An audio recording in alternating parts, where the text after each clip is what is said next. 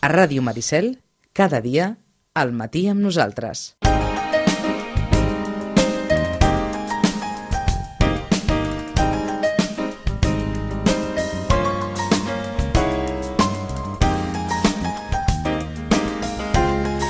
I va passar una cosa curiosa, bé curiosa, un petit drama, eh?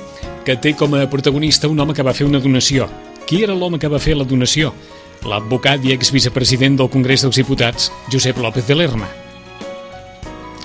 Una donació del seu fons de la, de la biblioteca, a la biblioteca de l'Avinyonet de Puigventós. Quina ha estat la història? L'equip de govern de Vinyonet de Puigventós, això és nou de trinca, eh? el que passa que el titular crida tant l'atenció que vam anar a buscar-ho i ho llegim de l'Empordà, d'un mitjà de comunicació de la zona que es diu l'Empordà. L'equip de govern de Vinyonet de Puigventós va obrir fa poc un espai de coworking a la sala on es trobava la biblioteca del poble. Per donar-li cabuda, però, es va procedir a treure'n els 2.000 volums que integraven el fons de la biblioteca, la majoria donacions de particulars. I després d'un temps en el magatzem i de fer-los valorar i determinar que el seu valor econòmic era nul i la majoria eren obsolets, se'ls va dipositar en el contenidor blau de davant de l'escola local. Aquest fet, però, ha generat molt malestar entre alguns veïns que ja recullen signatures per a protestar i fins i tot un dels donants, l'advocat i exvicepresident del Congrés dels Diputats Josep López de Lerma, que estudia emprendre accions civils i penals contra l'alcalde, Josep Maria Bartolomé, i la regidora de Cultura, Júlia Gil. Total, que els dos més llibres van anar a parar directament al contenidor blau. Segons expliquen fons de l'equip de govern, s'havien fet dos intents per dinamitzar la biblioteca, el 2011 i el 2014, però no van funcionar. No hi havia usuaris. Així que el 8 de maig passat, estem enrere, eh, en el temps 8 de maig passat, van acordar per ple i de manera unànime aprovar el projecte del coworking per potenciar la creativitat i col·laboració entre professionals i així d'alguna manera doncs, eliminar l'espai de la Biblioteca del Poble i instal·lar-hi aquest coworking. No van rebre ni al·legacions ni suggeriments en contra i el projecte es va aprovar. Just per aquells temps, l'alcalde va acceptar una donació de 1.000 llibres de López de Lerma per a la biblioteca. D'aquests en van arribar 546 en una primera remesa, que es van quedar en un magatzem mentre remodelava l'edifici, va dir-li Bartolomé a l'advocat. Fa dues setmanes, però, el senyor López de Lerma es va assabentar que havien tancat l'espai i que els llibres s'havien llançat. Em van dir que s'havien reciclat. És un autèntic, diu López de Lerma, genocidi cultural propi de gent d'una cultura 0.0. Afirma rotund l'advocat que és del parer que caldria haver informat a tots els donants sobre què es volia fer amb aquests llibres i aleshores que els donants decidissin el destí dels llibres que van donar a la Biblioteca del Poble. I a més diu l'advocat que no eren un regal, era una donació per l'Ajuntament. López de Lerma explica que ell va donar volums, ara difícils de trobar, tots vinculats a l'Empordà. En una nota pública l'equip de govern ha expressat disculpes. En cap moment van pensar que poguessin ferir la sensibilitat de ningú, però els llibres van anar a parar al contenidor. Marta, bon dia, bona hora. Bon dia. Quina història, eh? Quin cúmul, no? Quin cúmul de circumstàncies. De circumstàncies, de clar que ningú ha actuat de mala fe, però no, que te n'adones d'important que és doncs, tenir uns protocols per escrits i de fer les coses que després, un cop s'han fet, dius, però si era de lògica. Què? No? Vaja, una biblioteca sense usuaris... Clar, que aquesta és una altra, i no sé les circumstàncies d'aquests intents però, de dinamitzar. Però costa d'entendre, també, eh? Que no Sí, hi hagi però- ningú que vagi... Clar, no, no, ho desconec, no? Però clar, m'estan parlant d'un fons provinent només de donatius, clar, doncs potser també és difícil de dinamitzar, no? Potser no era un fons prou atractiu, com no era una biblioteca pública, entenc. Mm, per això dic que ha estat un cúmul de, de situacions que, en fi, Sí, sí. els llibres han acabat... Però el titular és aquest, eh? Sí. Tanquen la biblioteca de Vinyonet i llencen el seu fons al contenidor blau. Vaja, o sigui que per allò que dèiem tantes vegades que tampoc les biblioteques poden, poden encabir i en un altre registre, el que ens deies Marta no, no sou un magatzem de llibres perquè no, No, no, no, no, no els podeu encabir No, no, a simplement. més, clar, la, la base d'una biblioteca pública en aquest cas és la col·lecció i per tant ha d'estar molt ben estudiat com quins llibres volem que formin part d'aquesta col·lecció i evidentment Mhm. una donació d'una persona del poble vinculada amb un interès local són llibres que, Està clar, que eh? està clar que han de ser-hi però a vegades hi ha donacions que potser és una col·lecció d'aquelles que va sortir a l'any a l'avantguàrdia, Mhm. doncs aquestes no Per tant, ho, és- ho diem així perquè els Sí. llibres poden acabar en un contenidor. I no passa res, però han de ser segons quins llibres i seguint una política de col·lecció de la biblioteca, que és la comarca. D'acord, aquí el problema és que llibres amb suposadament un valor documental important van acabar al contenidor, però els llibres poden acabar al contenidor, com ens deia la Marta, perquè o poden ja no ser operatius des de l'ús des de l'ús que se'n pugui fer pel contingut, pel que sigui, o poden ser llibres repetits 50 vegades, o poden ser llibres d'aquells que es donaven a la caixa de pensions que n'hi ha per tot Catalunya i part de l'estranger, llibres d'aquells que des d'un punt de vista del fons de la biblioteca no tot cas, tinguin. en aquest, en aquest cas, no, d'aquest poble tampoc estava clar qui, qui era propietari d'aquests Aquests llibres, si llibres. havia sigut donació o si pertanyien a l'Ajuntament, pertanyia a molts, moltes coses. ah, Hi ha un protocol amb això, eh? Quan un, quan un dona llibres, Mhm. eh, eh, suposo que queda... Clar, això és depèn de, de l'acord que cada ajuntament té amb, amb, amb, amb la persona que fa la donació, Donació, no? no? Han de fer per escrit doncs, un, Sí, sí, si això és un dipòsit, de- que si la propietat sí, sí, sí, continua sí. sent de la persona que Hi ha dona... persones, si el vol que surtin en préstec, si només per consultar la biblioteca, en fi, hi ha tota una sèrie de coses que han de quedar clares perquè si no passen aquestes Passen coses. aquestes coses i després a lamentar-ho tots. Passem pàgina. Agenda, Agenda. a la biblioteca, que, com sempre, ve plena d'activitats i demà mateix. Exacte. Demà mateix comencem amb una hora del conte, a dos quarts de sis de la tarda. En aquest cas ve l'Anna Garcia, que ja ha estat a la biblioteca altres vegades, i ens explicarà els contes de l'Anna, els seus contes preferits.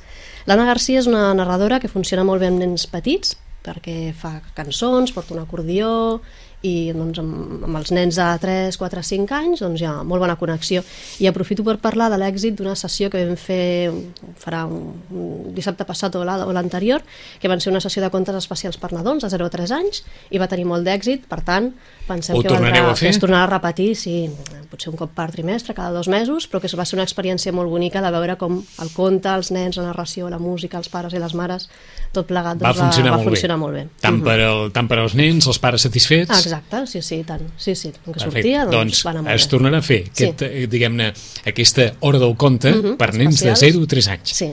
Doncs bé, tindrem els contes de l'Anna amb l'Anna Garcia, per totes les edats, però ja et dic, mm, funciona molt bé amb nens petits. El dimecres 9 de març, a les 8 i quart, tenim una altra de les xerrades literàries a càrrec de la filòloga Elena Cejas, i en aquesta ocasió el títol d'aquesta xerrada que ens proposa és Les cartes del veí anglès. Ens ho ha deixat amb un toc misteriós, no ens ha volgut explicar massa cosa, però sí que el protagonista d'aquesta xerrada serà William Shakespeare. Serà aquest veí anglès. Caram, doncs té mèrit també acostar Sí. grans noms de la literatura Mhm. a aquest, Sí, vaja, sí aquesta aquestes xerrades d'edat. Eh? tenen, tenen bé, doncs, a, a, aquest objectiu, no? d'acostar la literatura, les novel·les, a gent que no són especialistes ni filòlegs, des, per tant, des d'un punt de vista doncs, didàctic Ahà. i, i amè. Les cartes del veí anglès el dimecres 9 de març. I després el següent divendres, el divendres 11 de març, tenim Hora del Conte amb el Blai Sanabra, que també és un altre dels habituals a la biblioteca, i aprofitem el, la celebració del Dia de la Dona per fer una sessió també doncs, sobre la igualtat de, de gènere. El títol és Eixerides i valentes. Que també té el seu què, no? de que a vegades ens associem el nom de nen així amb més tubet, amb més... En canvi, doncs, bueno, Més eixerides... càndida, més, Sí, eh? no? Doncs, bueno, Més farem un, un innocentota. contrast i posarem aquest títol, Eixerides i valentes. valentes. Són contes que s'explicarà el Blai Sanabra amb el seu toc tan, tan especial i que tant ens agrada. Això serà el divendres 11, de març. Uh -huh. I després, el dia 7 de març, hi ha un grup de participants als clubs de lectura de, de Sitges que assistiran al Teatre Cursal de Manresa a veure una representació d'una obra de teatre que serà una representació especial per als assistents, els participants dels diferents clubs de lectura de la província de Barcelona. És una activitat conjunta uh Mhm. -huh. que mm, la Diputació de Barcelona fins i tot doncs, posa l'autocar perquè tothom s'hi pugui És a desplaçar. dir, els diferents clubs de lectura Exacte. de la província de Barcelona Mhm, aniran a sí. Manresa a veure aquesta a obra. veure aquesta obra. Són dos dies, el dia 7 i el dia 8. En el nostre cas aniran el dia 7, un grup de participants dels nostres clubs. És un text del Jordi Vallejo, l'obra es titula El test. El test? Sí. El test de, El de test d'intel·ligència, eh? Exacte. Sí, no, no el test de, la, No, de de les plantes, geranis, eh? no. no, no. El test d'intel·ligència. És una activitat que s'emmarca dins de la cinquena trobada de clubs de lectura. Cada any doncs, es fa aquesta trobada i es va veure diferents obres Mhm. de teatre i assistiran uns 1.600 lectors de, de clubs de lectura de tota la província. Després de l'obra hi ha prevista una estona de xerrada entre el públic i els actors i és d'aquest tipus d'activitat no? que és com un plus afegit al, al ser participant d'un club de lectura que a part de tot el bo que té no? de compartir, d'aprendre dels altres de saber explicar les teves opinions i defensar-les i d'aprendre de les dels altres doncs també hi ha aquestes trobades amb els, amb els escriptors, en aquest cas en el teatre que encara doncs, hi afegeix no? a, a aquesta, a aquesta cosa de més a més a, a ser participant en un club de lectura. D'acord, doncs també hi haurà participants dels clubs de lectura de Sitges que marxaran a Manresa al Teatre Cursal uh -huh. a veure el test. El test, exacte. Que el test és una, això, un test eh, eh? que planteja una pregunta. Què escolliries? 100.000 euros ara mateix o un milió d'aquí a 10 anys? A veure, torni. Què escolliries, Vicenç? 100.000 euros ara mateix o un milió d'aquí 10 anys? Doncs a partir d'aquesta pregunta que tenen forma clara part d'un Tenen test, clara la resposta? Doncs ha tota la trama. 100.000 ara mateix o... O un milió d'aquí 10, 10 anys. 10 vegades més, però d'aquí 10 anys. D'acord. Más vale pájaro en mano que ciento volando, eh? Però bé, en qualsevol cas, l'obra té aquest punt de partida Exacte. i per tant és un punt de partida molt engrescador, eh? molt motivador. Sí. Més coses. Um, vaig, vam explicar fa un temps que hi havia una plataforma de préstec de llibres electrònics, l'eBiblio, doncs ara fa molt poquet que s'han afegit també les principals revistes que es publiquen en català. S'han incorporat a, a l'eBiblio, aquest servei de, de préstec de llibre digital, i per tant es poden també agafar en préstec durant, durant 21 dies revistes com El Temps, Serrador, Descobrir Catalunya, Cuina, Sapiens, l'avenç només amb el carret de biblioteca i entrant a catalunya.ebiblio.cat, a part de llibres, novel·les, guies de viatge, en fi, tot un uh -huh. fons molt ampli de llibres, també ara trobem aquestes revistes i les podem llegir tranquil·lament a casa, descarregant-les a l'ordinador o al, a la tauleta, en fi. Allà hi ha moltes coses per passar-s'hi hores, eh? Sí, sí, sí. sí. Però moltes, eh? Sí, és allò o sigui que la possibilitat també de poder descarregar publicacions periòdiques Uh -huh. Exacte, en català. Més coses. En la biblioteca virtual també hem parlat diverses vegades dels prestatges virtuals que recomanen novel·les o guies de viatge, en fi, hi ha molts temes. Doncs el grup que treballa els còmics han fet un, un recull, com una guia, no? d'aquestes guies que abans fèiem imprès, doncs les podem trobar així en format mm, digital, i són còmics sobre històries d'amor, però en final menys ensucrats del que normalment acaben les novel·les o les pel·lícules, que n'hi ha que tampoc acaben bé, però doncs aquests serien còmics que tenen unes Un històries final- d'amor però un, De- me, me, menys, menys dolç, sí. D'acord, no tan ensucrades, vaja. Exacte. Uh, aquest mateix grup, no, per, per presentar aquesta guia, ens diu que sovint la vida no és com ens agradaria, com hem llegit, sinó que les coses es torcen i no surten bé, i sense saber per què tornem a la casella d'inici. Doncs són còmics que tenen aquest vessant, que també ens fan pensar, i a més amb el format còmic, que qui no està acostumat, a Sí. vegades ho veiem com una cosa més per joves, o que potser Sí, sí, no ens més agradarà. per- que per canalla, o que no- Exacte, no? I en canvi, quan t'enganxes al món del còmic o de la novel·la gràfica, també se t'obren moltes portes perquè és tot un llenguatge diferent i quan hi entres doncs, et pot atrapar. I aquí doncs, tenim tota una sèrie de recomanacions fetes per especialistes que val la pena de seguir. Com s'han afinat els criteris per arribar a recomanar còmics amb històries d'amor en final que no és tan ensucrat, eh? Diguem, perquè per tots aquells que diuen "Oi, no, no es tracta ja de recomanar novel·les, sinó que ha arribat això a afinar-se molt, eh? Sí. És a dir, que es poden trobar recomanacions de tota mena, però també de- d'aquest tipus. Exacte. Després, a les entrevistes virtuals, el protagonista d'aquest mes és el Joe Nesbo, és una, un escriptor de novel·la negra, mm, nascut a Oslo el 1960, i és un dels referents més sòlids en aquest gènere arreu del món. Les seves obres són traduïdes a moltes llengües i tenen molt d'èxit. Com així curiositats, a partir d'aquí doncs, se li poden fer les preguntes que es vulguin. Tenim que de jove va jugar de futbolista a primera divisió a Noruega, fins que va tenir una lesió i va haver de deixar. I ara s'està dedicant al món de la literatura, com deien, amb molt d'èxit, però a més a més també és líder i cantant d'una banda de rock. Per John és una... Nesbo. Sí, sí, sí. Una persona doncs, molt inquieta, Sí, no? sí, que té que un per tant se li pot preguntar- Se li poden preguntar moltes coses. Eh, el seu personatge més important és un detectiu, en Harry Hole, i ha escrit doncs, un munt de novel·les protagonitzades per ell, i després recomanarem també un, un llibre que he portat, és per nois i noies, i és el doctor Proctor, per tant també ha fet una col·lecció de literatura infantil o juvenil, i també doncs, que té molt d'èxit, després, el, després en parlarem més a detall. El límit de... per fer les preguntes, el dia límit, Fins al dia 24 de fins març. al dia 24 de març. Exacte. I per si algú és superfan d'aquest autor, doncs també volíem recordar que el proper 17 de març estarà convidat a la Biblioteca La Bòbila de l'Hospitalet, ens queda pas Mhm. lluny, de, amb un tren hi podem anar perfectament, i estarà doncs, en aquesta biblioteca el 17 de març explicant i també contestant a les preguntes a després. Si algú doncs, el vol conèixer en persona, doncs també té aquesta oportunitat. 17 de març i 24 de març, data límit per formular les Mhm. preguntes a John Nesbo en aquest espai virtual en què cada mes hi ha un autor de referència, un autor molt popular, Mhm. Exacte. en què els lectors li poden adreçar les seves les preguntes. I porto alguns llibres Vinga. per recomanar.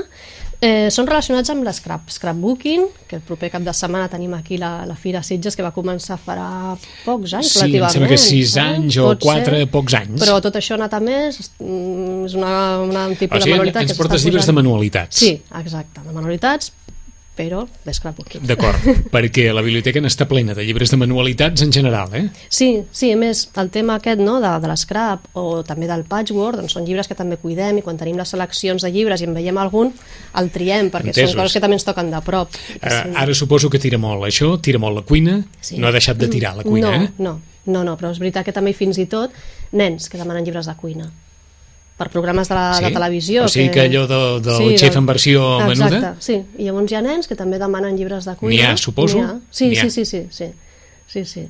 I bé, doncs sí, que són coses que podem dir que estan de moda, però que són modes que s'allarguen més o menys en l'espai, i per tant, aquestes que s'allarguen més i que veiem que Sí. ja té un pes i que, que no és un bolet, doncs sí que intentem d'anar ampliant la col·lecció. Suposo que molt donat al món anglosaxó, eh? Sí, Aquest tipus de sí, manualitat, sí, eh? La sí, majoria sí. de llibres són traduccions de... I japonès també. Del Japó també hi ha molta tradició, fins i tot, no sé, doncs... És que hi ha coses, eh, amb unes teles, per exemple, com s'embolica coses, amb una tècnica especial, i llavors amb unes teles també japoneses, Sí. que no em facis el nom, Per- per deixar- per embolicar coses. que quedi això I que com quedi ell. una monada. D'acord. Per tant, es va I suposo que, que que origami, les figures de paper, totes Mhm. aquestes coses, Exacte, no? aquests telos decoratius, tot això... Eh, És a dir, qui, queda- qui vulgui allò alguns trucs, Sí. Mhm. a la biblioteca trobarà també llibres per, per desenvolupar totes aquestes manualitats. N'hem portat un parell, un que es titula Craft con papel japonès, proyectos de scrapbooking, origami, técnicas de decoupage, encuadernaciones y pequeños detalles para sorprender. I aquí, doncs, bueno, amb aquests diferents materials doncs, tenim totes les plantilles, les explicacions... Només cal tenir fer- una, una bona taula, Sí, i, bueno, paciència, Paciència, manetes i, i anar unes- fent. unes bones Però els tisores. resultats, sí. Però els resultats són molt Fa, bonics. són molt bonics, hi ha coses molt maques, eh? I després un altre, taller de scrapbook, de scrapbook amb nens, de la Mariona Cardona, i aquest doncs, el mateix, amb els mateixos materials, però amb uns projectes que amb els nens doncs, podem passar també una estona entretinguda i també per ells és molt bo d'aprendre a utilitzar, doncs, no? la, com es diu això, Sí. la, bueno, això de fer servir les tisores, de Exacte, retallar, sí, sí. de, eh, la psicomotricitat fina, em sembla que es diu. Psicomotricitat Ai, fina. una cosa així, eh? potser ara fico la pota, però Caram. és una cosa així, eh? Ai, ara no sé si ho he dit bé. bé. que has allò de, de retallar, Sí, exacte, de, eh, de de- perfilar bé, sí, de, de sí, deixar-ho sí, tot ben, ben net i polit. detall i, eh, Ah, doncs. Els pots de cola blanca que no faltin, que el llibre n'està ple també, perquè Exacte, aquí es tracta d'enganxar Doncs a tota hora. els celos, els segells, Exacte. eh, les cartolines, papers de diferents colors i tot el que podem trobar a la fira d'aquest cap de setmana doncs ens pot Mhm. Ajudar per, per amb fer fil, aquests amb projectes. fil de llana, amb cordó, amb paper Mhm. de tota mena, estampats, amb roba... Sí, i a més és una cosa molt lliure perquè el projecte te l'inventes tu, de fet, pots fer un quadre amb les lletres que tu vulguis, posar-hi els detalls que tu vulguis, no? que això és l'escrapbooking, Ahà. utilitzar això, retalls de papers, de botons, de cordills, en fi. D'acord? I si algú no sap de què va, doncs que es passegi pels llibres de la biblioteca i si li crida Mhm. l'atenció, doncs una, una afició més per poder tenir. Exacte. I l'altre que us deia, aquest llibre del Joe Nesbo, eh, nosaltres el recomanem per nens i nenes doncs, de fins uns 11 anys, però veiem que és un llibre Gruixut. gruixut, per tant la història doncs, té molt de misteri i molt de, molta trama. Eh, aquest es diu El doctor Proctor i la fi del món o no. D'aquests llibres, només llegint la part de darrere, on hi ha aquell resum típic, quan no sabem de què va el llibre llegim, doncs amb aquests llibres ja veiem una miqueta el tarannà de, de què De va la història. Eh? Diu, quiet, deixa estar aquest llibre ara mateix, torna a la pila i surt de la llibreria tranquil·lament, no has vist res. Hi ha coses que val més no saber. I si llegissis aquest llibre, acabaries sabent que un concurs de corals hipnotitza tot un país, els, els mitjons desapareixen de les rentadores, un director de coral fa fora el rei i proclama president, es proclama president, la gent fa moltíssimes faltes d'ortografia, és la fi del món o no. Per tant, és un resum que engresca i enganxa a llegir, no? Només que et diguin quiet, deixa estar aquest llibre Ahà. i ja et donen I, ganes de... I veiem que hi ha dos volums anteriors. Ja, sí, a la biblioteca tenim això, el número 1, el número 2 i aquest que és el número Ahà. 3, el doctor Proctor i les pòlvores tirapets, el doctor Proctor i la banyera del temps. Aquest també és bo, eh? El doctor Sí. Proctor i les Ah, pòlvores és molt tirapets. tot que siguin Ah. pets. I el doctor Proctor i la fi del mono, no? que és Ahà. aquest tercer. N'hi ha més, eh? N'hi ha més, és a dir, tots individuals, és una sí, sí, sèrie sí. de- Exacte, el protagonista és el mateix, és aquest científic boig, el doctor Proctor, i a partir d'aquí aventures mil. Ahà. L'autor se'l va, va començar amb aquestes històries l'any 2007 quan la seva filla li va demanar a l'hora de sopar que li expliqués un conte i del seu caparró Doncs caram. va sortir aquest protagonista, aquest científic que ens farà passar estones molt, Eh, molt divertides. Això és enginy, eh? Perquè el llibre, el llibre és gruixut. Sí. El llibre és gruixut, però esclar, hem d'entendre que es llegirà d'una tirada, eh? d'una tirada, de dos o tres, però o vaja, tres, però sí, vaja, però que, no, no és un llibre farragós en cap cas i qui comença normalment continua llegint altres de la mateixa col·lecció. Doncs això n'és bo, si volen que els petits de la casa passin una bona estona, el doctor Proctor. Uh -huh.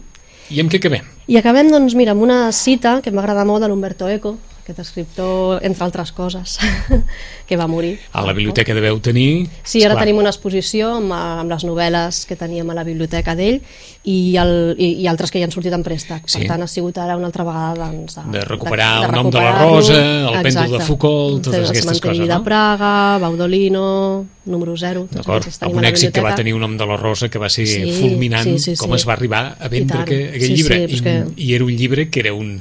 Vaja, era un gruix. Sí, el cinema també va ajudar, però és un llibre que es continua llegint i que es continua demanant. Ah, Eh, Doncs uh, d'Umberto Eco. d'Umberto Eco, i l'Umberto Eco va dir El llibre és com la cullera, el martell, la roda, les tisores. Un cop inventats, ja no es pot fer res de millor. El llibre ha superat la prova del temps. Potser evolucionen els seus components, potser les pàgines deixin de ser de paper, però seguirà sent el que és. Quan ho va escriure? Això, quan no t'ho No sabria dir, però és un llibre d'entrevistes que es titula Nadia acabarà con los libros i era un llibre d'unes entrevistes de Jean-Philippe de Tona que els hi va fer a, Mhm. a ell, a l'Humberto Eco i al Jean-Claude Carrier. Quina frase més categòrica, eh? sí. Del títol del llibre. Mhm. Nadie acabarà con los libros. I algú que ja va pensar que en el seu dia, probablement, Mhm. eh, eh, els fulls del llibre ja no seran de paper, Ahà. però que el llibre Però, no sí, deixarà sí. d'existir com, a, com a tal. Exacte, com aquests altres invents. Com que aquests altres invents que realment no s'ha pogut inventar Res res, millor encara. Eh? Mhm. Frase d'Umberto Eco i a la biblioteca també qui vulgui acostar-se a l'obra del filòsof, escriptor, en definitiva, d'un home de, de cultura en majúscules, també ho podrà trobar. Traspassat fa, fa ben poc, la, la setmana passada, Umberto Eco ha estat protagonista també aquests darrers dies. 11 i 39 minuts. Marta, gràcies. Gràcies. Fins a propera.